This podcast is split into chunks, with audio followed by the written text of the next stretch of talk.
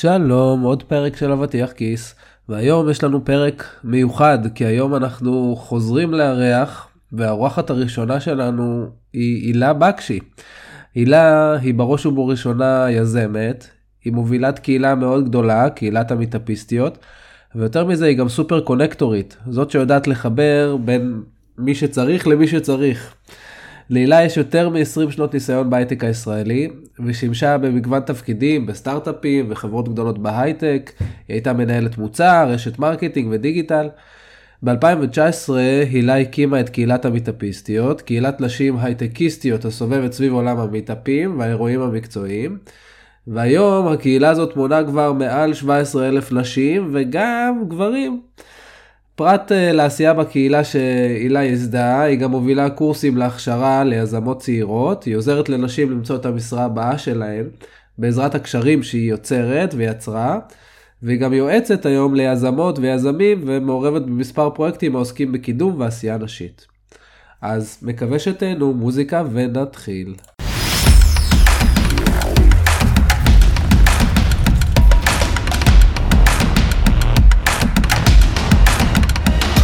ברוכים הבאים לאבטיח כיס, פודקאסט בנושא ניהול עם נורית בן משה ואלעד יעקב. אה, הייתי חיה בסבלטים שנתיים, והייתי מחפשת גם הזדמנויות לשמור על, אה, על חיות, כדי okay. אוקיי. לחסוך בכסף. כן, כן, ברור. אז שמרתי, יצא לי ככה, שמרתי על הרבה חתולים. עכשיו, אני לא סבלתי חתולים. לא סבלתי חתולים, אני אדם של כלבים. ו... זה הטיפול בטראומה נשמע. ואז פתאום, כן, פתאום גיליתי חיה שבאמת, אני, אמנם כשהייתי ילדה היה לי חתולים, בגלל זה לא סבלתי אותם. אוקיי. אני מרגישה שהם כאילו מאוד אה, לא צפויים, רוצים לעשות רע, אדישים. כאילו, הם, תמיד יש איזו שריטה. נכון, נכון, זה תמיד נראה שהם, כן, בכלל יש להם רוע כזה. הם כאילו אלרט כזה, כן, הם כאילו, הם מגעילים, בקיצור. טוב. אבל... יש לי חוויה אחרת. כן? ממש מפתיע אותי לשמוע את זה. זהו, המשפחה שלי היא משפחה של חתולים, זה קטע היסטרי. ואני לא. אני כאילו ממש לא אהבתי חתולים. ואז היה לי לשמור על מלא חתולים, גם קטנים, גם כאילו יותר בוגרים. אחד החתולים שנכנסו לי ללב זה חתול סכרתי, שהיא צריכה לתת לו אה, אינסולין. וואו. every day. עכשיו, זה, זה חתיכת זה אחריות. קטנטנים כן. כאלה הם לא קטנטנים, הוא היה לו מלא שיער, צ'וצ'ו, חמוד כזה. ונתתי לו אינסולין כל בוקר, וכאב לי הלב, אבל הוא היה כזה מתוק, והיה אחד שממש התאהב בי, הוא היה מעיר אותי בליקוקים. אמרתי לו, כאילו, I don't even like you, למה אתה מלקק אותי? ו... והתחלתי כאילו לעלות על זה בפייסבוק, שהוא כאילו, החתול הזה מאוד אוהב אותי, התאהב בי חתול, התחלתי לצאת עם חתול, כל מיני כאלה. פשוט התאהבתי בחיה הזו, קטע. כאילו גיליתי לגמרי... וואו. חיה שלא הייתי מודעת ל... אז, אז למי ששומע אותנו וככה אולי התבלבל ואולי חושב שהוא התחיל איזה פודקאסט אה, לא נכון, אז אתם... חתולי כיס. כן, חתולי כיס ולא אבטיח כיס, אז לא. אה, אז אה, אהלן אהלן לכולם, אנחנו פה עם עוד פרק של אבטיח כיס, אני אלעד יעקב, איתי נורית, כרגיל. והיום זה פרק חגיגי, כי היום אנחנו בעצם פותחים עונה חדשה, סלש חוזרים לארח אנשים פה באבטיח כיס. אה, ויש לנו אורחת אה, מאוד מיוחדת, שאוהבת חתולים, משהו חדש. אם מישהו לא הבין. כן. אה, הילה בקשי, אהלן הילה. היי. נעים מאוד. בוקר טוב, נעים מאוד. אני ככה רוצה להקריא כמה מהתיאורים של הילה, מי שמכיר, יש לה קהילה, אני אומרת לדבר עליה גם הרבה, קהילת המטאפיסטיות, שזה כאילו הקהילה הכי ברימה שאני מכיר. אה, אז הילה מנתצת השלשלאות, שליטת הדרקונים, פורצת אה, קירות, שוברת אה, תקרות. הילה, ספרי לנו קצת על עצמך באמת. האמת שאף פעם לא שברתי תקרות, רק בשלוש שנים האחרונות אני שוברת תקרות, גם לא לעצמי, לאנשים אחרים. אז כן, אז אני אחרי 20 שנה בהייטק, התחלתי ממש אחרי הצבא, לא הייתי בשום שמונה, anything, שמונה ומשהו, לא הייתי בשום שמונה XXX, הייתי במצח. אמ, ולפני שלוש שנים החלטתי שבא לי לעשות אה, משהו בשבילי ועבור אחרות, אחרות, דגש על אחרות. כן, תכף נדבר על זה, על כן. אמ, והיה בא לי להקים סטארט-אפ. אבל אין לי שום יכולות טכנולוגיות, וגם לא היה לי שום רעיון לסטארט-אפ. מה שכן היה לי, זה, הייתי, היה לי אהבה מאוד גדולה למיטאפים וללמידה ככה בלתי פורמלית, כי לא תכננתי לעשות תואר שני. אני ב-2009 בעצם סיימתי את התואר הראשון שלי, ואז uh, האייפון נכנס לחיינו, ומאז החלטתי שאני לא יכולה ללמוד, כאילו, מטקסטים ו... ולשבת בכיתה, חלילה. אה, וזיהיתי איזשהו, אה, איזשהו פער ב, בתעשייה. הייתי הולכת להמון המון המון מיטאפים, ובתור אחת שהולכת למיטאפים בהייטק, קלטתי שאני הרבה פעמים האישה היחידה בחדר, ואמרתי, זה לא הגיוני, אני חברה בהמון המון קהילות נשים בהייטק, ואמרתי, איפה אתן? איפה כאילו, האנשים? איפה הנשים? אה, והחלטתי, הייתי מנהלת מוצר ב, במרבית שנותיי, והחלטתי ללכת לחקור, לשאול את ה, בעצם את הקהל יעד שלי, למה הן לא מגיעות. רציתי לבדוק את ההיתכנות של הדבר הזה. היה לי את הרעיון, אמרתי, אוקיי, אני יכולה לעשות כאן משהו, אני הולכת הרי למיטאפים. יש לי את הגישה לכל ה... לכל ה database, לא יודעת, לכל האירועים האלה, שאני מוצאת בעצמי. חברים שלי ממש לא התעניינו בזה, חברים שלי לא מהייטק, ופשוט לא היה לי מי ללכת. כאילו הפריע לך שאין לך את ממש. החברה הזאת. או את ה- ממש, ממש, ממש, כן, הייתי לבד, כאילו. עכשיו, אני אדם שמאוד חברותי, ואני מדברת כמובן עם כולם, ואין לי בעיה, הייתי גם, בגלל שאני 20 שנה בהייטק, אז כולם מסביבי, לרוב היו גברים, הייתי- אוקיי. הייטקיסטים, אבל גברים. ולא היה לי שום בעיה תקשורת איתם וכאלה, אבל עדיין כשהייתי מרגיעה, אז היה לי נראה מאוד מוזר שאני היחידה. אז למה זה באמת? כאילו, אז עשית את המחקר, כן, מה גילית? וגיליתי, היה לי הנחות, באתי עם ההיפותזות שלי, שאמרו מה? שאמרו שמיטאפים זה על שעות ההורות בעצם, אחרי שעות העבודה, שש, שבע בערב. אמ, והם לא ידעו גם איפה למצוא את זה, ואם הם היו מוצאות את זה, את המיטאפים, כי זה כזה היה פעם כאילו זה לא היה ב Meetup.com, זה לא נגיש. זה היה אוקיי. ב Meetup.com, זה היה ב Eventbrite, פתאום התחילו לצוץ אה, אירועים בפייסבוק, אז זה היה כאילו all over the place. ואני הייתי רואה אותם, אני, יש לי מה- ראייה מערכתית מאוד חזקה, על דברים בכלל. והייתי כל הזמן מוצאת אותם. עכשיו, באמת לא היה לי מי לשתף את זה. אה, אנשים התחילו לפגוש אותי עוד ועוד ועוד במיטאפים, ולזהות אותי כבר. ואז אנשים אמרו לי, וואי, פעם הבאה שאת הולכת, גם נשים אגב, פעם הבאה שאת הולכת, אז תגידי, אני אבוא איתך. והבנתי שהם, א', זה על שעות ההורות שלהם, ואני בתור לא, לא הורה, על הורית. על יש הורית, לזה מושג כן. מקצועי ונורא נחמד בעיניי. לא, על הורית זה אחת, ש... זה אחת שוויתרה על להיות אימא. לא יוצאת אוקיי. בהצהרות. אבל יודעת, אבל אין זה לי לא ילדים. כרגע. אין לי ילדים כרגע. ו... נכון לשעת בוקר זו. בדיוק. אולי מחר יהיה שונה. בדיוק, זה ישתנה. אמ, אז בעצם הייתי חברה באמת, כמו שאמרתי, בהמון קהילות נשים. כשהן היו יוצרות אירועים, האירועים היו מפוצצים. מפוצצים. וזה עדיין על היה על שעות ההורות שלהם, והם עדיין היו באות. מפוצצים גם בין- בנשים וגברים? מפוצצים או כאילו זה היה בנשים. מיוחד לא, לנשים? זה היה מיוחד לנשים. אוקיי. כשזה היה מיוחד לנשים, כולם היו באות. זה היה מעורב, אף אחת לא הייתה באה. והלכתי ושאלתי, בכל קהילות מעניין. הנשים שלי. אמרתי להם, למה אתן לא באות? והנחתי שזה, בגלל שזה על שעות ההורות. אז זה את אומרת לא נכון.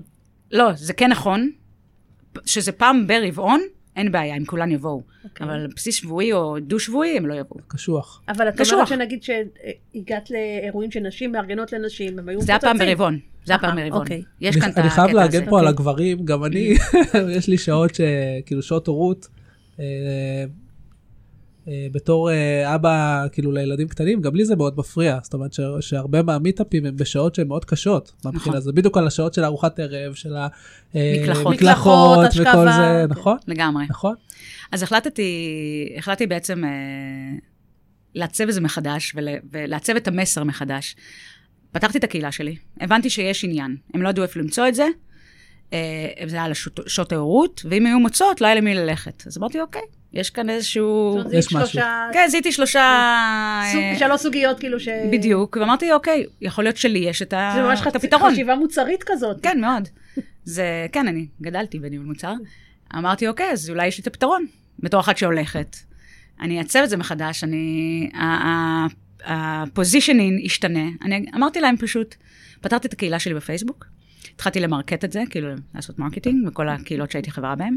גם הקהילות המעורבות, דרך אגב, גם הקהילות המעורבות של Israeli Product Managers לצורך העניין, באתי אליהם ואמרתי להם, שלום לנשות הקבוצה, הקמתי קהילה חדשה, סובבת סביב אירועים, הייתי בעיקר הולכת למיטאפים של product. אה, אני אשמח אם תצטרפו ונלך ביחד. וגם עשיתי איזה repositioning שאמרתי להם, אתם יודעות מה? אני מבינה את הקטע של ההורות, קחו פעם בשבוע, או פעם בשבועיים זמן לעצמכן, להשקיע בעצמכן, ללמוד, להכיר נשים אחרות בתחום, וזה עבד. זה עבד. אימהות. הגיעו בהמוניהן, כל פעם אימהות אחרות. כאילו אימהות שעובדות. כל פעם עם מאות אחרות. כל שבוע הייתי פוגשת עם מאות אחרות, למרות שהייתי הולכת כמעט כל יום. אז כל יום הייתי פוגשת נשים אחרות, שבאמת לקחו את הדבר הזה, אמרו, אוקיי, זה, this is me time. אני אש, עכשיו אשקיע שעתיים, שלוש בעצמי, גם אם זה תמיד כזה עם דרינקים ואוכל חינם, וידעתי שאני רוצה לעצב את זה אה, על פי ה... על פי דמותך. ה... דמותי, בדיוק. אז ידעתי שזה לא צריך להיות, שזה לא יהיה איזושהי קהילה בכיינית ו- וקורבנית וכאלה, זה יהיה יותר... אה, אז למה היה חשוב לך כל כך ש... שאנשים ייחשפו למיטאפים? כאילו, מה הערך שאת רואה במיטאפ? אני רואה ערך במיטאפים, קודם כל, למיטאפים אני אגלה לכם שאני נחשפתי כשגרתי בסן פרנסיסקו, עשיתי רילוקיישן, והייתי מאוד uh, בודדה שם, וחיפשתי כל מיני um, פעילויות אחרי עבודה. אז גם נרשמתי לחדר כושר, וגם הייתי הולכת למיטאפים. קשה לי לדמיין את הילה בודדה, אני חייב להגיד. כאילו, אבל אתה הולך להגיד, קשה לי עם להכיר הילה, אותה בחדר כושר. אבל וואו. לא, לא, חדר כושר אני יכול לדמיין. הוא לא יודע. אני בגיל 16 מתאמנת, לא רואים, אבל אני בגיל 16 מתאמנת. אמ, ושם שם גיליתי את, העולם הזה, שגם אני יכולה להכיר אנשים חדשים בעולמות, המקצועיים שלי. אז זה היה entertainment, עבדתי בעולם ה entertainment אה, בהייטק, וגם גם למדתי. למדתי כל הזמן מכל מיטאפ, למדתי המון. אני אדם שמאוד אוהב לדעת הכל על המון דברים. כאילו, גם אם זה bits של, של, של מידע, מ... עכשיו אני, נגיד, כן. נורא, נורא נדלקתי על המטאוורס. אז אני הולכת למטאוורס, כאילו, הולכת למיטאפ בשביל המטאוורס, כל אותם, כל וואו, אותו אנחנו זמן שהם נדבר קיימים. על זה. זה- כן, זה מעניין. אני, כשאני מפחדת מדברים, אני הולכת לחקור אותם. אני לא אומרת, אוקיי, תכונה מעולה, בלוק, כן. אהבתי. ואז אני לומדת המון, אני פוגשת אנשים המובילים בתחום. ככה פגשתי המון נשות product שמובילות. נשים שעד עד אז, כאילו, עד שהקמתי את הקהילה שלי, אני הייתי נחשפת אליהם רק בתכנים שהן כותבות, בניוזלטר שהן כותבות, בספרים שהן מוציאות, ואף פעם לא פגשתי אותן. פתאום הקמתי את הקהילה שלי, ושתי נשים שאני באמת הערצתי שנים, והייתי קוראת את הכתבים שלהם, פתאום התחילו להגיע למיטאפים, שאני מדהים. חשפתי אותן אליהם, או שהן היו חלק מהדוברות, וזה היה נורא מרגש. אה, אז היום אני בעצם באמת אה, מעודדת אנשים, אנשים עם נקודה, לבוא למיטאפים, להכיר, אה, מקצועית גם ללמוד, לפתח את היכולות שלהם. גם כשהייתי product, הייתי לצורך העניין הולכת, הולכת למיטאפים בנושא front-end, או back-end, או כן. iOS. דברים שאין לי... אין לי את באמת... לא אה, עובדת בהם, אני לא עובדת כן. בהם, אבל אני רוצה לדעת מה המפתחים שאני עובדת איתם עושים ביום-יום, מה האתגרים שלהם. בתור product גם, כל הזמן את אה, בקשר עם אה, צוות הפיתוח, R&D. אני חושבת שאת מדברת ככה על שני דברים שעולים ממיטאפ. אחד זה התוכן מהמם, וההיכרות עם, עם האנשים שלך, נכון, אה, והשפה שמדברים, והנושאים שרצים עכשיו, וגם כל הזמן בגלל שזה נורא משתנה וזה, אז זה שומר לך על הדופק טוב. לגמרי. והדבר השני זה להכיר אנשים.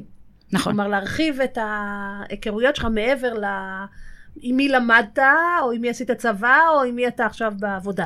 בדיוק. הרבה פעמים עלה במהלך אה, חיי, והעובדה שאני מאוד פייסבוקית אה, כבר שנים, בכל מיני קהילות וקבוצות וכאלה, תמיד היה, עלתה השאלה, איך עושים חברים אחרי גיל 30?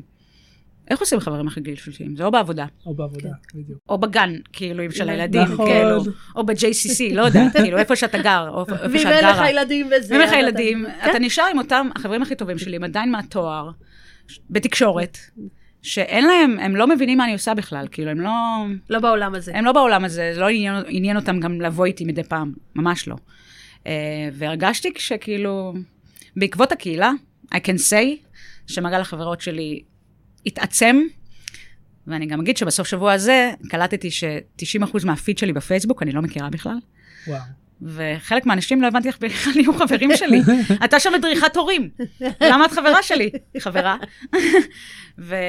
אז כן. מלכת הדרקונים, אמרנו. כן, כנראה שהם עוקבים אחריי, ו- ואולי פגשתי אותם באירועים, אני לא זוכרת אפילו. ואמרתי להם, אתם חברים שלי בפייסבוק? לא, אז בואו תהיו. ואז קלטתי שאני לא, בעצם לא מכירה 90% מהפיד שלי. אבל בסוף שבוע הזה, עשית ניקיון. אם אתם uh, מקשיבים לפודקאסט הזה ואתם חושבים שהייתם חברים שלי ועכשיו אתם כבר לא, אז תדעו שעשיתי ניקיון קטן. קטן. כן, אז בואי נדבר אולי רגע על סצנת המיטאפים בכלל בישראל, כן, אה, ואיך היא השתנתה, והאם קורונה אה, עשתה לה משהו. בהחלט. אני מניחה שכן. כן. האמת שכשחזרתי לארץ ב-2014 מסן פרנסיסקו, שם המיטאפים היו כאילו, it was a thing, כאילו זה היה מאוד מקובל ללכת למיטאפים.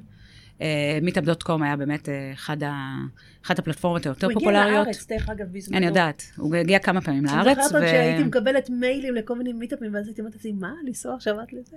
בדיוק. מוותרת. אז הוא היה כמה פעמים בארץ, ואני לא יודעת למה הוא לא ביקש לפגוש אותי עדיין. אה, אם אתה מקשיב. כן, ניסיתי להגיע אליו לפני איזה שנתיים, אני חושבת שהוא ביקר לפני הקורונה. בכל מקרה, אז הגעתי לארץ, ובאתי עם הבשורה הזו של, וואי, meetup.com זה it's a thing. ואז התחלתי להיכנס uh, למיטאפ.קום מה, מה-IP של הארץ, וקראתי שגם כאן יש מיטאפים, אבל, אבל זה לא היה כמו היום. כאילו, היו מיטאפים מדי פעם. ו...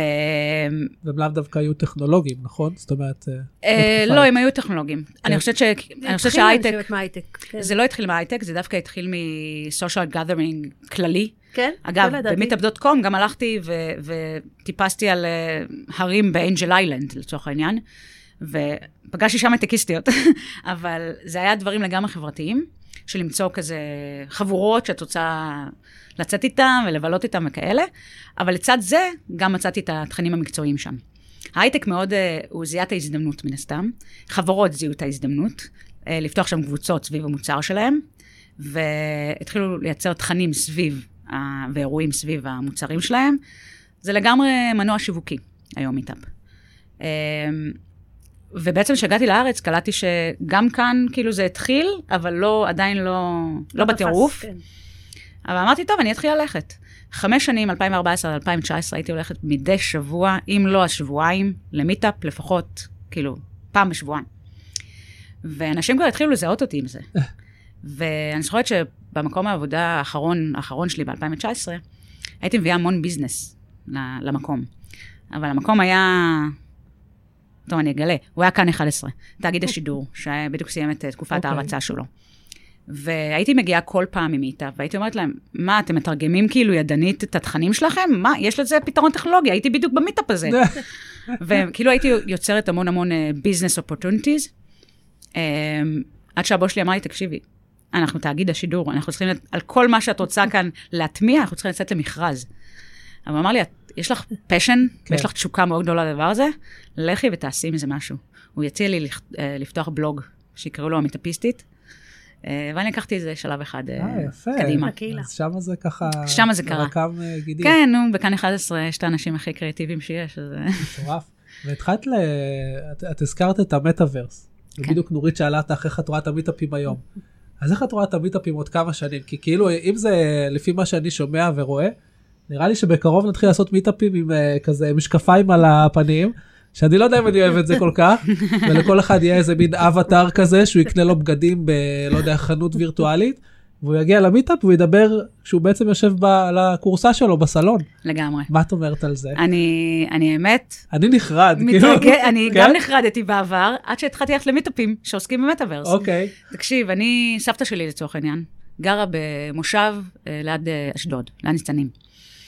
אני רואה את סבתא שלי רק בחגים, היא מקשיבה לפודקאסט. בטח שהיא מקשיבה. ברור. ואני זוכרת שדווקא בפייסבוק, מתה, בפעם הראשונה שנחשפתי מקצועית שם למטאוורס, הם הזמינו אותי, וכל המנהלי קהילות ה... בישראל, הם, אה, הם תיארו אה, מצב בו תוכלו לבקר את סבתא וסבא שלכם, שגרים עכשיו רחוק, אה, דרך האבטר שלכם, או ההולוגרמה, שתשב להם בסלון. איזה מוזר. כן, אבל תחשוב על כל ההזדמנויות המטורפות ש, ש, שזה יכול לפתוח לנו. אותן אימהות, אותן אימהות, כן. שלא יכלו- לא יכלו להגיע למיטאפים, וזה, בואי, מי- מיטאפ זה, זה חתיכת, אה, גם רובם קורים בתל אביב, זה חתיכת hassle, זה חתיכת כאילו מסכים. אתגר.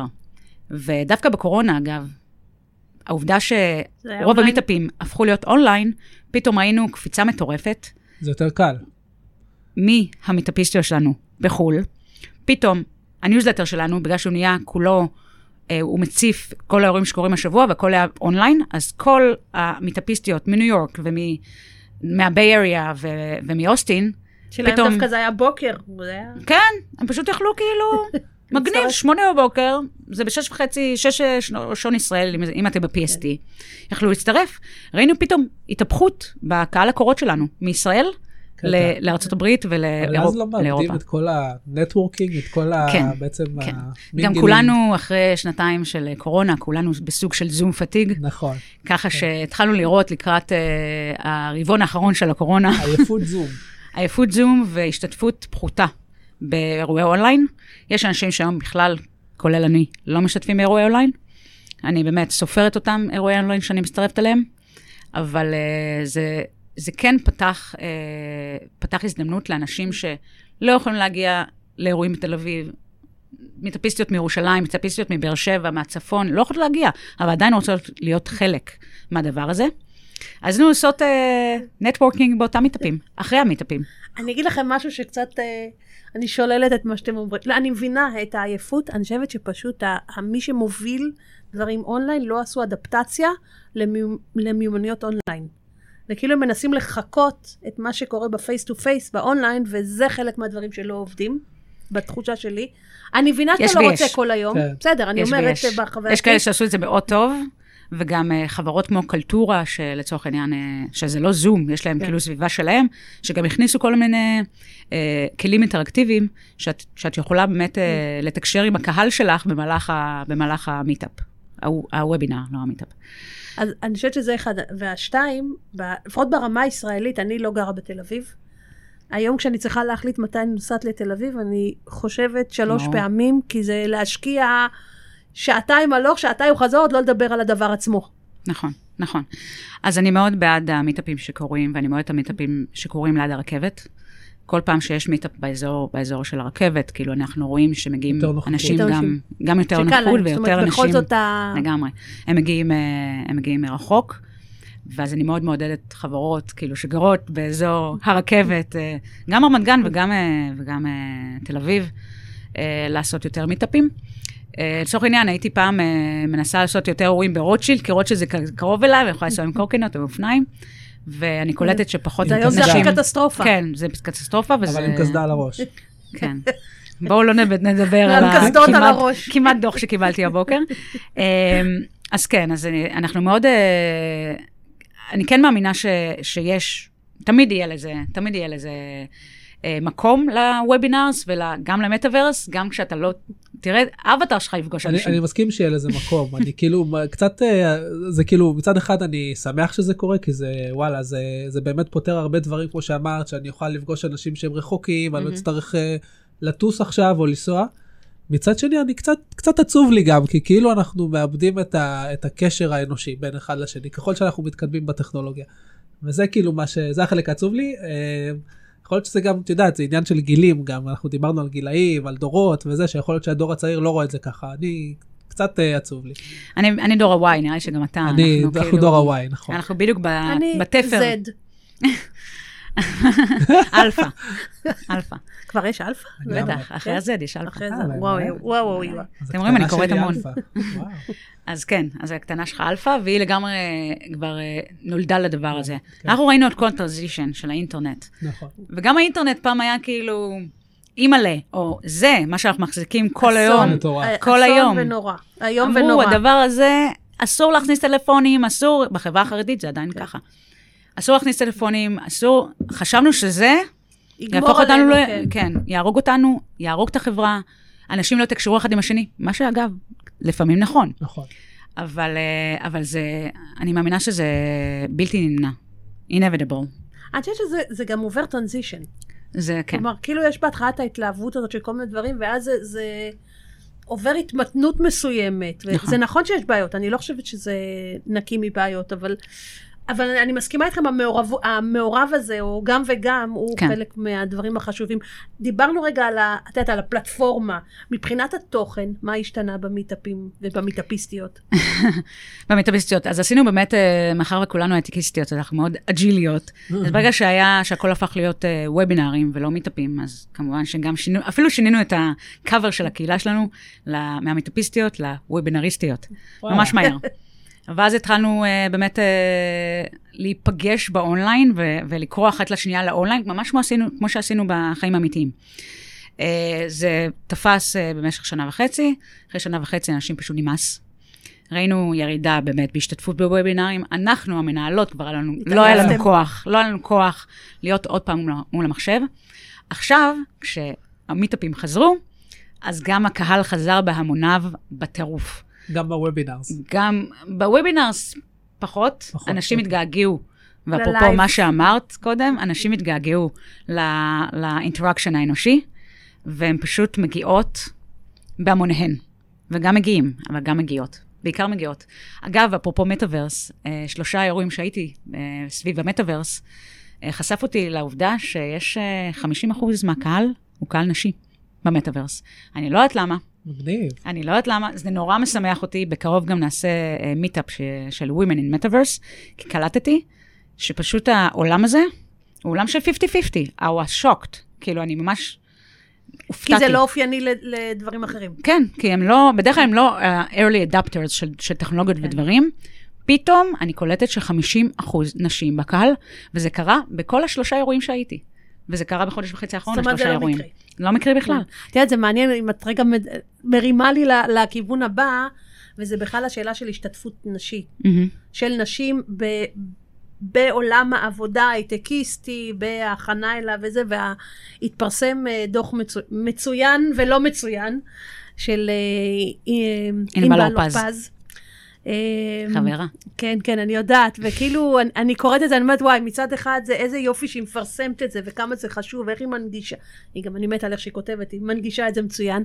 מצד שני, הנתונים קשים, עצובים מאוד, מאוד. עצובים מאוד. אה, בוא, נכון. בוא, אולי למי שלא יודע, ניתן קצת ככה היילייטים, שהשיעור השתתפות של נשים בהייטק הוא משהו כמו 30 אחוז, פחות אפילו. פחות אפילו. כן. כן. במקצועות 28 הטכ- אחוז. במקצועות הטכנולוגיים אפילו פחות. כן, 23 אחוז. לא. ולמרות שרואים גידול של כמות הנשים, האחוז שלנו עדיין ממשיך להיות אה, נכון. נמוך. נכון. אה, ככל שעולים בעצם ב... בעצם בדרגות הניהוליות רואים פחות ופחות נשים. זאת אומרת, נכון. פחות מנכ"ליות, פחות כן, קראתי אחוז משהו שזה. 6 אחוז רק של מנכ"ליות. כן, ב- זה ירד בקורונה אגב. זה ירד, זה היה- זה היה 9 אחוז. כי דיברו על זה. ש... אה, זה שמעתי את אה, פרופסור דן אריאלי, שהקורונה אה, השפיעה לרעה יותר על נשים מאשר על גברים. בוודאי, בוודאי, הם היו נשים ראשונות. הלכו הביתה.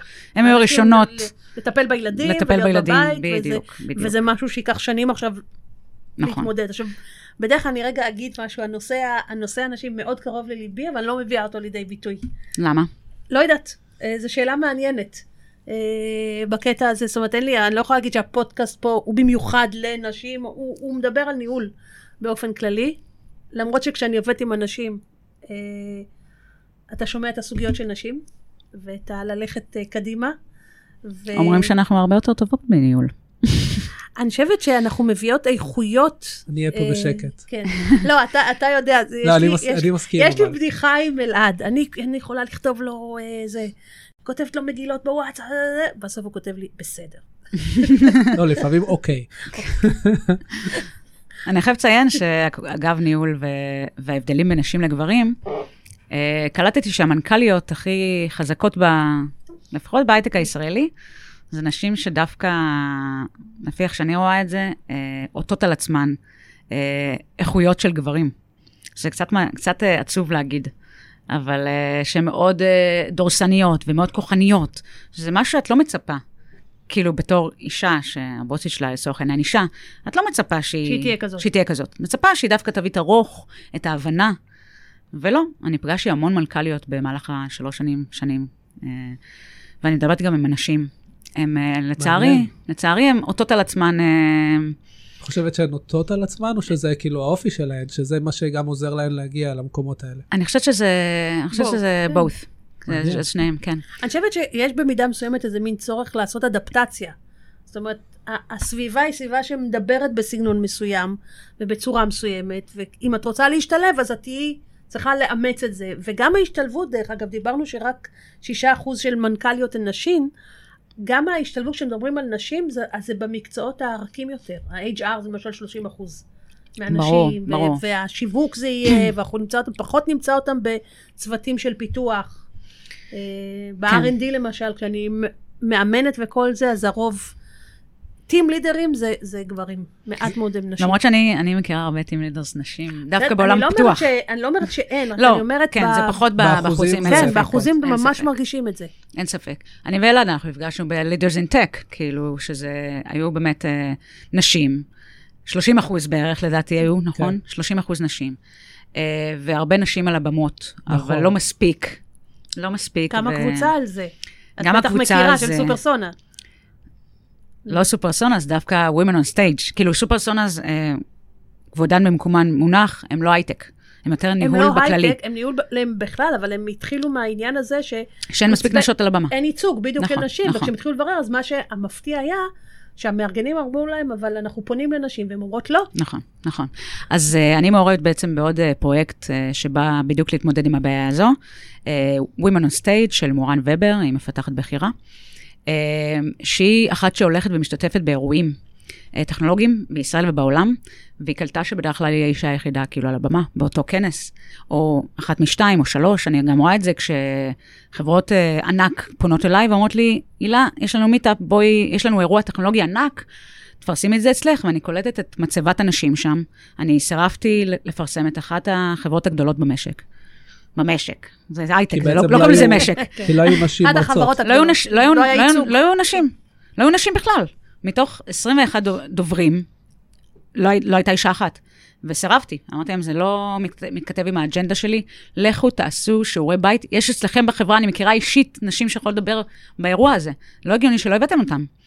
והם הלכו, והם חזרו אליהם שלוש נשים מתוך 21, ועדיין סירבתי.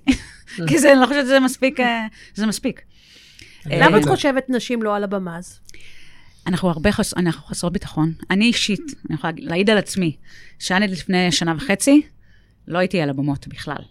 לא היה לי, היה לי פחד במה. היה לי, פשוט הייתי חסרת ביטחון. והלכתי, החלטתי שאני יוצאת למאזור הנוחות, אה, הזמינו אותי מאחת העמותות אה, שמחנכות לחינוך טכנולוגי בישראל, ואמרו לי, בואי דברי עם הבוגרות שלנו, על נטוורקינג ועל מיתוג אישי ומה מה שאת מדבר, בדרך כלל מדברת. ובאתי, אמרתי, פעם ראשונה. וזה היה גם אה, בשיתוף חברה שאני מאוד אוהבת, זה, התארחנו אצלם, ובאתי ודיברתי איתן, ומאז, אני לא לרדת מהבמה. אבל באמת, אה, אנחנו חסרות ביטחון, אנחנו תמיד, אה, כאילו תסמונת המתחזה, תמיד, תמיד קיים. תמיד קיימת אצלנו. אני חושבת שבאחוזים הרבה יותר גבוהים, גבוהים מגברים. אז מה את ממליצה בעצם, אם יש פה מנהלת, או לא מנהלת, מאזינה ששומעת אותנו, והיא כמוך ככה מאוד חוששת, היא, היא רוצה לעלות על הבמה, אבל היא חוששת. זאת אומרת, מה, מה הצעד שהיית אומרת לה? אני הלכתי לקהל שהוא היה, בוא נגיד, אה, קהל שבוי. כאילו, זה היה קהל של נשים טכנולוגיות, אה, האמת שזה היה נערות, נערות טכנולוגיות. אה, והרגשתי מאוד בנוח, כאילו, קודם כל, כי אני מרצה, כמו שאני מדברת, אני מרצה על דברים שאני מבינה בהם, מאוד מבינה בהם, למדתי אותם שלוש שנים על בשרי. פשוט לצאת מאזור הנוחות, אני כל הזמן מעודדת אנשים לצאת מאזור הנוחות, אולי נשים. לחפש קהל אוהד יותר, זה מה שאת כן, אומרת? קהל אוהד יותר זה הכי לא יודע קל. אם שבוי, אבל לא, שבוי, כן. קהל אוהד יותר, זה הכי קל. להתחיל שם. זה הכי קל להתחיל שם, ואז ככל ש-you practice, כאילו, זה לגמרי. נהיה הרבה יותר קל. לגמרי. אני חושבת אה, שגם צריך ל... ל... להסליל את זה בכוונה קצת. כלומר, אני... אה, הייתה לנו שיחה לפני זה לאלעד. ולי על העניין הזה של מה קורה במצב הנשים בהייטק, מהמם. ואיפה, איך נכנסים ל... להגביר בעצם נוכחות. מהמם. האם זה דרך הגיוס, אתה יודע שצריך לעודד, או דרך האקטיביזם בתוך הארגונים. אני יכולה להגיד אה, שאני רואה המון אה, משרות היום שמתפרסמות בלינקדאין או בכלל בפייסבוק, אה, שכתוב הערה למטה, אני מאמינה שזה בעקבות, אגב, הדוח של ענבל אורפז ורשות החדשנות, אה, שגם אם אתם לא, גם אם אתן לא עומדות במאה אחוז. ב-100% של המשרה, עדיין אנחנו מעודד, מעודדים להגיש. זה כתוב באנגלית. שזה הרי ידוע שזה אחד ברור, הדברים ברור. שנשים, הרבה פעמים, הן בודקות אחוזי התאמה גבוהים יותר למשרה, ורק אז הם יגישו בהשוואה לגברים. לגמרי. שנגיד עונים נדמה לי על 60 אחוז או משהו כזה. נכון, נכון. Um, אני אגיד בראייה אישית שלי, אני תמיד מעלה את זה גם, שאני חושבת שצריך לעשות uh, חינוך מחדש במרכאות, גם של ה-HRיות שמקבלות את אותם, uh, את אותם uh, קורות חיים, שלא עומדים ב-100% מה, מהדרישות. ולהזמין? ולהזמין. כי גם הן biased, שאנחנו אומרים biased, אני לא יודעת אה, בעברית. אה, מוטות, כן, הן מוטות. הן מוטות. המנהל המגייס שלח להם... אה, התחלנו על מטה, עברנו למוטות, כן. נעבור בסוף למטות, אני יודעת. חס וחלילה. הן מקבלות uh, רשימת דרישות והן מסמנות וי, וכשהן רואות גבר, הן אומרות, אוקיי, הוא בטח יכול להתמודד עם זה. כשהן רואות עם איש- אישה, הרבה פעמים, זה, הן אפילו לא לוקחות את, ה- את הצ'אנס. ואני מקווה שבעקבות ההערות הקטנות האלה, שבסוף uh, כל uh, job description, שכחתי את העברית שלי. סליחה. אני- אני המתורגמת שלך פה. סליחה, סליחה. אני לא אמריקאית בכלל. אה, בסדר, זה גם לי קורה, כשאני כל היום באנגלית אנגלית, אז בסוף זה מה כן, שיוצא, המילים באנגלית. אתם חושבים באנגלית, כן. בכל מקרה, אני מקווה שזה משפיע גם עליהן, ואני מקווה שמעבירים אותן סדנאות של איך להסתכל היום על קורות חיים בעולם, בעולם העבודה החדש. כן. את יודעת שמצאו גם משהו נורא מעניין, שאם כותבים את זה בלשון נקבה, נקבה, נכון. זה גורם לפנייה. ברור. את זה גם על בחינות כן. בגרות, על- כשזה אני אמרתי מנוסח. לכל ה... יש את האלה שמפרסמים משרות, אני מחפש נינג'ה, אני מחפש אה, גיבור על. בדיוק, זה לא- בדיוק. זה לא פונה לנשים. זה לא פונה לנשים. כן, כן. ואנחנו צריכים היה- אה, לשנות את זה. לגמרי. היה, אה, אני זוכרת, אה, מנכ"ל, גבר, שפרסם בכל הקבוצות, אה, גם בצרות בהייטק וכל הקבוצות אה, המעורבות, את, את description, את התיאור משרה, ב- בנקבה. והוא כתב למטה מה שאנחנו בדרך כלל קוראות. מתאים גם לגברים. מתאים גם, גם לגברים. וא', הוא קיבל אחלה branding לחברה שלו, אם, אם זה המנכ"ל וככה הוא מאמין אה, וחושב, אז ברור. וגם כאילו, באמת, אה, נראה לי לפחות שהוא קיבל המון המון, אה. המון אה, קורות חיים של נשים. אז אני חשוב. בעד, אני בעד פשוט להפוך את כל ה-job description. עברית היא שפה מאוד מגדרית. מאוד. באנגלית זה כאילו you, אז זה you, זה לא את אתה. אה, ועברית זה שפה מגדרית, אנחנו חייבות, אה, חייבות וחייבים אה, לשפר את העניין כן, הזה. לגמרי, מסכים. אז השאלה, את יודעת, אני אולי קצת חוזרת אחורה, אבל פתאום מעניין אותי, עדיין יש מקום שיהיה, למרות שאמרת שזה גם גברים במיטאפיסטיות, אבל זה עדיין רוב נשי. כן. יש עדיין צורך במסגרת שהיא נשית? תמיד. נשית בלבד. היא לא נשית בלבד אצלי. היא מובהקת, אבל אצלי, יותר. כן, היא, ברור, גם הגברים שמצטרפים אליי, למה פתחתי את זה בכלל אני לגברים? דרך אגב במיטאפיסטיות, כן? אני ברור. חבר בקהילה שם. באמת. יש אצלי המון המון גברים. אה, הם ביקשו להצטרף, ואמרתי להם, אין בעיה, תצטרפו, בכיף, רק תדעו שזה מדבר בעגה נשית וברבות. אם זה לא מפריע לכם, הכל טוב. הרי בראש ובראשונה אני פונה לנשים. אם אתם תבואו, מה טוב. אני מאמינה גם שהשינוי צריך לעשות ביחד. לא עוד קהילת נשים סגורה, שאין שיח בין גברים לנשים, אני ממש לא בעד זה. מה שכן, בקהילה שלי, בגלל שהכל מדבר נשית, ויש נוכחות מסיבית של נשים, אני רואה שהגברים, אין להם אומץ הרבה פעמים לפרסם אצלנו. כן. אה, וזה. דווקא, זה, זה בעיה גם שצריך לפתור אותה. איך לעודד את השיח הזה בין גברים לנשים. אני אחרי הפודקאסט הולך אה, לפרסם בקהילה. מעולה, אני קיבלתי את הרמז, ואני הולך אה, להיות אמיץ. מעולה. אני גם שמה לב, ואני אגיד לכם, שבגלל שבעצם אה, מאז הקהילה, כולם יודעים מה הקהילה is standing for, ומה האג'נדה של הקהילה. ולפעמים מפרסמי אירועים באמת בודקים איתי אם האירוע מתאים לפרסום, כי הם לא הצליחו להשיג כאן דוברות נשים. אז הם ממש שואלים אותי, או את כל אחת מ... מדהים. מה... כן, מהמודרטוריות, האם אנחנו יכולים לפרסם בכלל? כי אין לי כאן דוברת, דוברת נשית, ואני ניסיתי, באמת שניסיתי, אמרתי, לפעמים אני מציעה להם פשוט לעזור להם. אה, אני מכירה את זאת, דבר עם איזה כאלה. יופי. כן.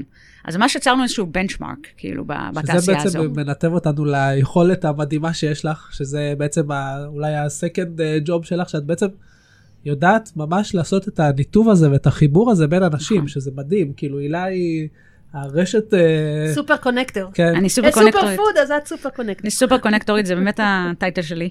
אני סופר קונקטורית, וככה המוח שלי עובד. הוא עובד ברשת אה, קשרים, כן.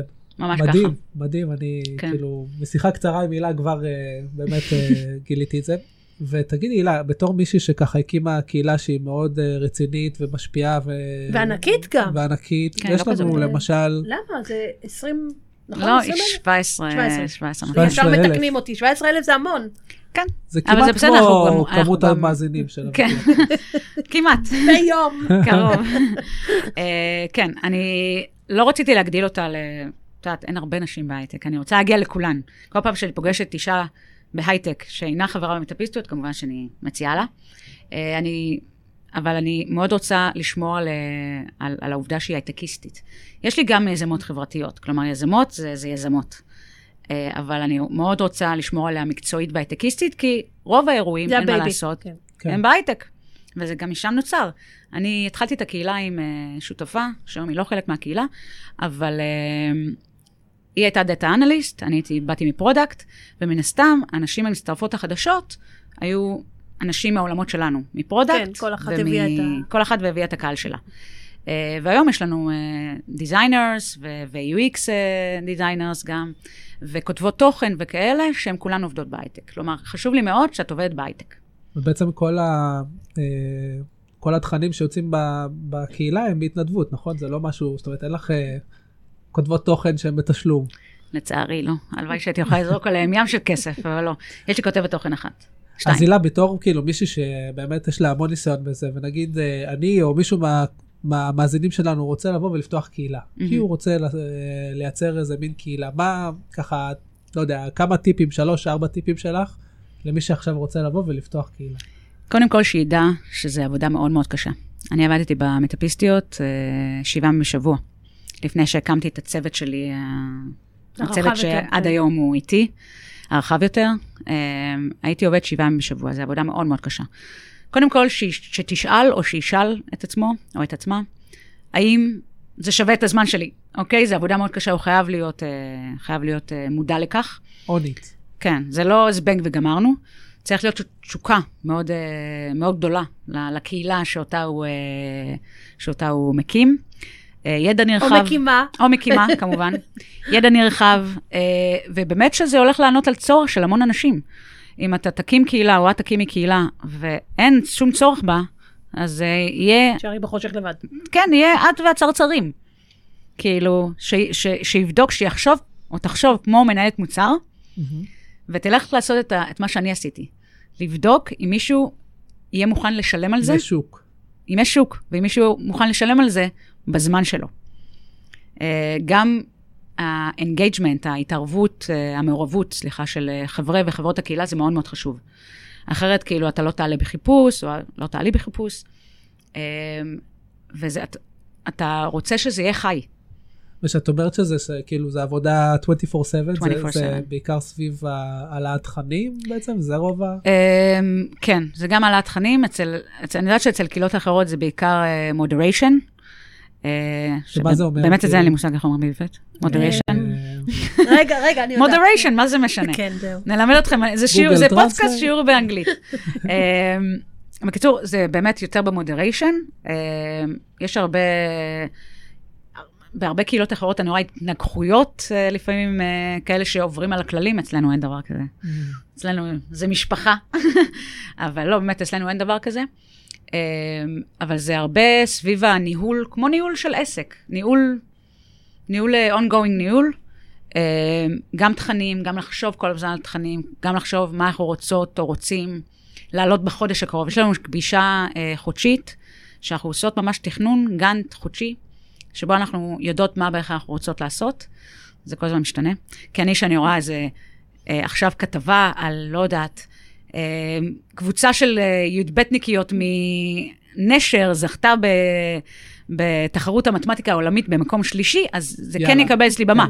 לא משנה מה התכנון היה לאותו יום. אה, אז, אז זה בעיקר אה, באמת ניהול שוטף, אה, חשיבה על תכנים, חשיבה על איך לערב את הקהל, אבל קודם כל לחשוב כמו מנהלת מוצר, בכל, בכל תחום בחיים אגב. לחשוב תמיד כמו מנהלת מוצר. מדהים. אני רגע חוזרת לעניין של הנטוורקינג, שהוא הוא נושא, ואני אביא אותו מהזווית גם של, אני מאמנת מגוון של אנשים. אני יכולה להגיד שה network הופך להיות נושא נורא מרכזי, והוא לא רק מקומי. זה, גם אני רואה את זה, למשל, אני, יש לי הרבה מנהלים במזרח הרחוק, מהמם. שהם אה, מתקשים לעשות נטוורקינג, שהם צריכים לעשות את זה מול ה headquarter האמריקאי, והם לא יודעים איך לגשת לזה, או אירופאים לפעמים במדינות. מה ההמלצות שלך? נכון. כאילו, איך, אה, איך עוזרים לאנשים שמבינים שזה הדבר שהם צריכים אבל מתקשים בו? אה, וזה לא רק נשים, דרך אגב. ברור, זה לא רק נשים בכלל. בכלל, לבוא לדבר עם אדם שאתה לא מכיר, זה חתיכת אתגר, כאילו. יש לי הרצאה על זה. ובהרצאה, ואני נותנת דוגמאות, אה, הנטוורקינג בעולם הפיזי. שאתה בא לאירוע, או שאת באה לאירוע, איך לעשות את זה. אז הטיפ הראשון שם זה, הכל מתחיל בבופה. כי באמת הכל מתחיל בבופה. זה נכון. הכל מתחיל בבופה. את, את הולכת לקחת איזה סנדוויץ', ואת כזה, אוי ואבוי, זה טונה, מישהו יודע אם זה דג, ואז מתחילה שיחה. אני אומרת טונה ודגים, כי אני לא אוכלת לא טונה ולא דגים. ואז מתחילה שיחה. ואז, וואי, מה את עושה? את... אני תמיד מעודדת להתעניין בצד השני.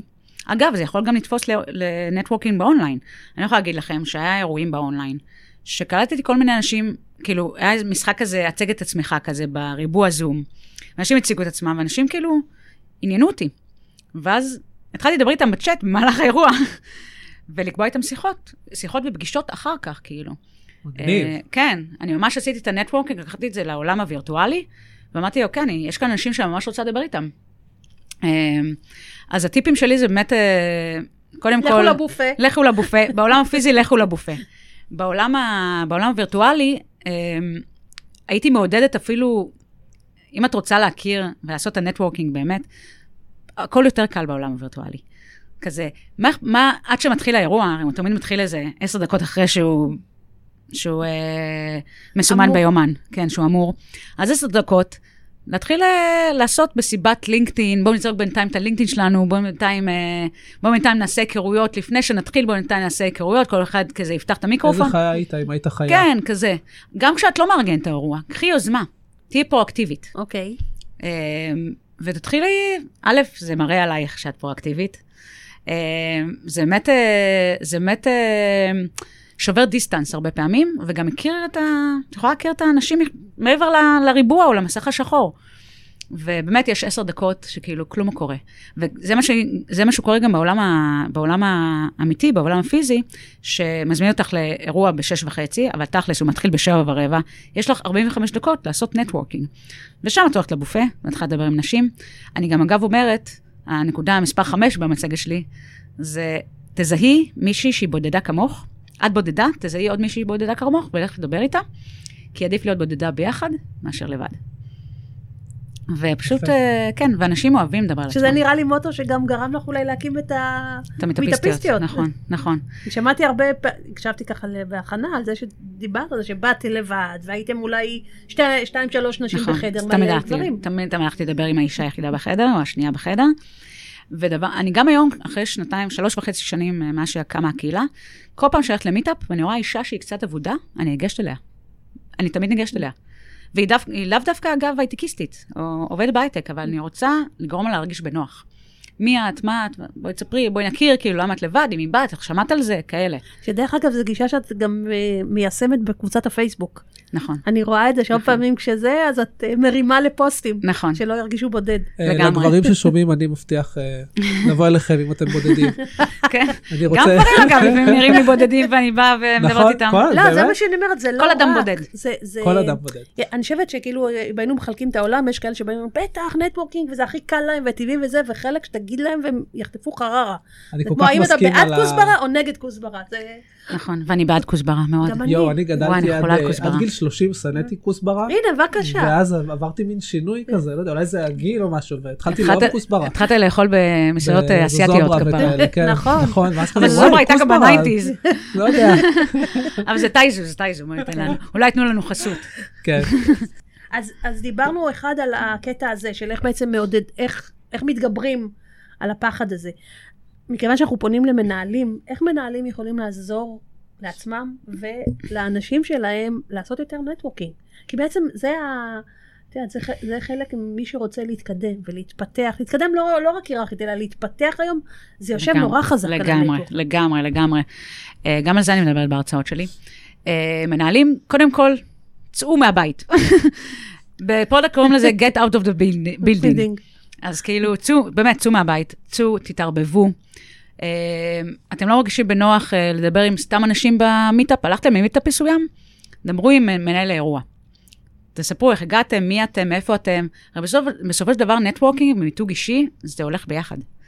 ואנשים כאילו, שלא, אנשים שלא מרגישים בנוח לעשות נטוורקינג סתם ככה, רנדומלי, לכו לדבר עם מנהל האירוע. תגידו לו, וואי, הדבר הזה מאוד מעניין אותי, הייתי שמח אולי לדבר באירוע הבא שלכם. אה, לה- להתחיל להכיר אותו, שהוא הוא מנהל האירוע. אה, ועוד פעם, ת- תקלטו את האדם האחר שנראה בודד כמוכם בחדר, תתחילו לדבר איתו, תראו איך אתם משתפים פעולה. אני מאוד, התורה שלי בחיים, וכולם יודעות את זה ויודעים את זה, התורה שלי בחיים זה קודם כל לעזור. קודם כל לתת ערך, ואז אנשים יבואו אליך. לבקש, כן. אז אה, קודם כל לראות איך אתה יכול לעזור, אולי החברה שלך יכולה לעזור לאדם שעכשיו אוכל טונה בבופה. יכול להיות. התקנו היום על אתונה, אני רואה. כן, ואני לא סובלת טונה. אבל כן, אולי, אולי כל, כל הזמן תנסה להקשיב לאדם שאליו אתה פונה, לראות את, איך אתה יכול לעזור לו, והדבר הזה, באמת, זה כל כך נותן, אה, זה נותן ביטחון גם לצד השני, וגם לך, שהצעת עכשיו עזרה. אתה יכול לעזור למישהו, זה כל כך ממלא. אה, ולהביא ביזנס, אני אמרתי לכם, הבאתי ביזנס לתאגיד השידור, שהם לא יכלו לעשות עם זה כמעט שום דבר, כי מכרזים ועניינים. אה, אבל הייתי הולכת והייתי מדברת עם, עם, עם, ה, עם המנהל של האירוע, והייתי אומרת לו, וואי, אני רוצה להטמיע את הדבר הזה, את הטכנולוגיה המטורפת שיש כאן, שהיא עכשיו, כאילו, העיפה לי את המוח. אני רוצה להטמיע את זה במקום שאני עובדת בו. ובוא נחליף פרטים, ואז החלפנו פרטים, והמשכנו לדבר, ויצאתי שם פגישות גם. עד שכאילו הבוס שלי אמר לי, די, אין לי מקום לפגישות. כאילו, די, אני לא. יכול, אני לא יכול, כל הלו"ז שלי מלא עם הפגישות שהיית, שפגש במיטאפ. אבל אה, כן, אני אומרת לנשים ולמנהלים בכלל, מנהל- ומנהלות, שימו את עצמכם על במות, שימו את עצמכם ב front. אה, אני תמיד נותנת בהרצאות שלי אה, דוגמה למישהי שלא אהבה לעשות נטוורקינג, כי אדם קצת introvert, איך קוראים לזה? מופנם. introvertים זה בסדר. introvertים, אוקיי. אז היא אדם די introvert, שהצטרפה אלינו בתחילת הקורונה. והיום היא אחת מהצוות של המנהלות אצלי. והיא ממש עשתה את ה networking ברשת. היא לא יצאה מהבית שנתיים וחצי בגלל הקורונה. אה, רק בחצי שנה האחרונה היא יצאה מהבית, אה, כי היא נדבקה בקורונה. אבל היא בנתה את השם שלה ועשתה networking אה, רק. ברשת, רק אונליין, וזה היה מדהים. היא עשתה את זה על ידי הבאת ערך לאחרים, היא עשתה את זה על ידי כתיבת תוכן, היא הייתה מעורבת מאוד בקהילות, לא רק אצלי, לא רק אצלי, בקהילות אחרות. היא פגשה בשבוע שעבר פעם ראשונה מישהי שהיא היא כאילו, היא ה twin sister שלה, אוקיי. אה, באונליין, פעם ראשונה, והן כל הזמן מדברות כאילו הן חברות הכי טובות. אה, אז כאילו היא עשתה את זה בעזרת נתינת ערך לאחרים. תמיד תראו איך אתם יכולים לעזור לאנשים אחרים. זה הדבר ש... זה הדבר שאני הכי מעודדת לעשות. ומנהלים, כאילו, תעשו business על ידי זה שבאמת, יש לכם הרי אג'נדה. אתם רוצים לצאת, הגעתם ל meetup הזה או לאירוע אונליין הזה, מאיזושהי סיבה. אתם רוצים ללמוד uh, משהו מסוים, אתם רוצים להכיר אנשים בעולם הזה, אתם רוצים לעשות business קרוב לוודאי. תראו איך אתם יכולים, uh, איך אתם יכולים להביא את הביזנס אליכם, ואיך לעזור לאחרים עם העסק שלהם. אתה יודע, אני נורא מתחברת למה שאת אומרת, אני עצמאית. כן. כבר 13 שנה. וואו. ואחד מה... זה באמת וואו, ספרי לי איך עושים את זה. אני שלוש. שנים ואני לא רוצה יותר. אמ, אני חושבת שאחד הדברים שנגיד עצמאים מתמודדים זה איך אתה עושה שיווק, שזה נכון. אחד הדברים הכי קשים תמיד, ולא, אני לא אוהבת שיווק ולא זה, ואז הרבה פעמים מדברים על העניין הזה של ערך. ברגע שתביא ערך, תביא את עצמך, את התשוקה שלי למה שאני עושה, את התפיסה שלי של למשל אימון, ב- בעיניים שלי אימון זה הדבר היום מבחינת אה, ניהול לגמרי. וארגונים וזה, אז כשאני מביאה את זה ואני מדברת על זה, זה, זה אחרת, ולא לא צריכה לבוא ולהגיד, בואי עכשיו תיקחי אותי שאני אהיה מאמנת שלך, אבל זה משם זה קורה. נכון. מצד שני, יש גם אנשים שעושים עדיין את ה-old fashion, שאני אני פחות ופחות אוהבת את זה, אני אני גם פחות להגיד. אוהבת את זה. אני אה, אני כמוך לגמרי. אני את כל השיווק שלי אני עושה על ידי זה שא', אני כותבת כמו שאני מדברת, שזה יכול להיות כאילו זה אותנטיות. זה אותנטיות, כן. ואני כותבת דברים שאני, שאני באמת מאמינה בהם, כל הזמן. אה, וזה, ככה אנשים כאילו, אני זכיתי אצל חנה רדו, ב-2021, בחורה הכי מפרגנת ברשת, כאילו, בחורה, או, אישה, אישה. בחורה. אישה הכי מפרגנת ברשת, טוב, למה? כמו כי- שקוראים לנו בנות המון כן, פעמים. ממש. אז, היא- אז היא- כי היא זיהתה את זה אצלי, כי היא יודעת את זה, וזה כן. מה שמזוהה איתי. אני נורא נורא מפרגנת, נורא מפרגנת לנשים. וגם לגברים, אגב. מסכים. כן. קיבלתי פרגון. yes. טוב, אז דברים שככה אני יכולה להגיד, לסכם ושלקחנו אחד, ש networking זה הדבר. וצריך להשקיע. ו- בטח שיהיה מטאוורס בעתיד, אז networking זה הדבר. אבל גם לפני, את אומרת, ו-. ומה שאני חושבת ש- שיפה, שאני לפחות לקחתי, זה העניין הזה שזה יכול להיות במגוון של צורות. זאת אומרת, יכול, אתה יכול לעשות את זה, ב- יכול לעשות את זה בפיזית, וללכת ל meetupים ולפגוש, את יכולה לעשות את זה גם ב virtual, ו- ובעצם להביא את עצמך יותר ויותר החוצה ולהתיידד עם זה. לעשות את זה שזה יהיה לך נוח. נכון. קהילה זה דבר שצריך להשקיע בו, מהמם. נכון? זו הייתה הנקודה הנוספת. והנקודה השלישית שאולי לא דיברנו וככה, זה, את בן אדם שעושה המון מעברים. מעברים. בחייו, לא רק פיזיים, אלא מעברים ב, ב, בין מקצועות, בין תחומים. את, אה, 20 שנה בהייטק, ומעולם לא בחרתי מקצוע, כן? אני הייתי גם product, גם marketing manager, כאילו, הייתי product marketing, כאילו, הייתי, הייתי מלא דברים. אבל גם היום, אני, אם אני אומרת, נגיד, אם יש כזה דבר, פורטפוליו מקצועי. אז הוא נורא מגוון שלך. נכון. אז את uh, עושה הרצאות, ויש לך קבוצה בפייסבוק, ואת... Uh, יועצת סטארט-אפים. יועצת לסטארט-אפים, ובאה לפודקאסטים, נכון, ומארגנת קבוצה בפייסבוק, כאילו, מין שפע כזה. נכון. אני מאמינה ששפע, שפע אה, מביא שפע. אה, אני גם, כמו שאמרתי בתחילת, ה, בתחילת האירוע כאן, אני אדם שאוהב לדעת המון דברים. קצת דברים על המון, סליחה, המון דברים על קצת תחומים, לא ההפך. קצת דברים על על, הרבה המון, דברים. כן, קצת על הרבה דברים, בקיצור. כן. בדיוק. אז יש לי באמת, אגב, בקורונה, הנטוורקינג שלי היה אה, על אהבה חדשה ש, שגיליתי בעצמי, שאני אולי רוצה להיות משקיעה בעתיד, משקיעת הון סיכון. וזה התחיל מפגישה אחת שאחת המשקיעות אה, יצרה איתי, בזום, עשינו זום קפה. זה אוקיי. המשיך לסדרת, סדרת, אה, היינו תקועים בבית, לסדרת אה, פוסטים של זום קפה שהייתי עושה עם משקיעות באקוסיסטם הישראלי, שאין הרבה כאלה, אבל רציתי להכיר את כולן. ופשוט קבעתי איתן זום קפה. מדי שבוע היה פרק חדש של זום קפה, שהייתי מספרת מה למדתי עליה, במה היא משקיעה וכאלה. הייתי לא מזמן, לפני חודשיים סיימתי גם אה, קורס של, אה, של ה-VC אקדמי, אה, שבעצם מגדלים את. משקיעות העתיד. אז אולי אנחנו מגלים פה משהו על הילה, חוש- חושפים פה משהו. מי שעוקב אחריי כבר יודע את זה. ואני גם פותחת דלתות היום לסטארט-אפים ב- בקרנות השקעה, כי אני בעצם יודעת במה כל פעם, אחד כן, משקיע. את ה... וגם כאלה שאני לא מכירה אותם אישית ולא מכירים אותי אישית, אז אני מציגה את עצמי ואומרת להם, יש לי חברה כזו וכזו, אני רואה שאתם, שאתה עוסק בזה, אתה אנג'ל אינבסטור, יש לך venture fund, אז אני גם פותחת אה, דלתות. אה, וגם הרבה משתמשים בי כדי להשיג אה, design partners, כי יש לי המון קשרים היום, המון המון קשרים. אז שמענו מה הלאה. כן. וכאילו, ואני חושבת שמה שהיה, ככה לסיכום של העניין, חוץ מהשפע הזה שלך, זה היכולת שלך לקחת אה, מיומנויות וניסיון ולתרגם אותו לעולמות חדשים, נכון. שזה מקסים. אז הילה, קודם כל, תודה שבאת, למרות ששוטרי מדינת ישראל ניסו לחסום בגופם את ההגעה הבוקר, ולא נתת להם, ולי היה ממש כיף לדבר תודה רבה. ומעניין. גם לי. אני מאוד נהניתי. תודה רבה. ובהצלחה ביוזמות החדשות. תודה. תודה רבה. יאללה ביי. ביי ביי.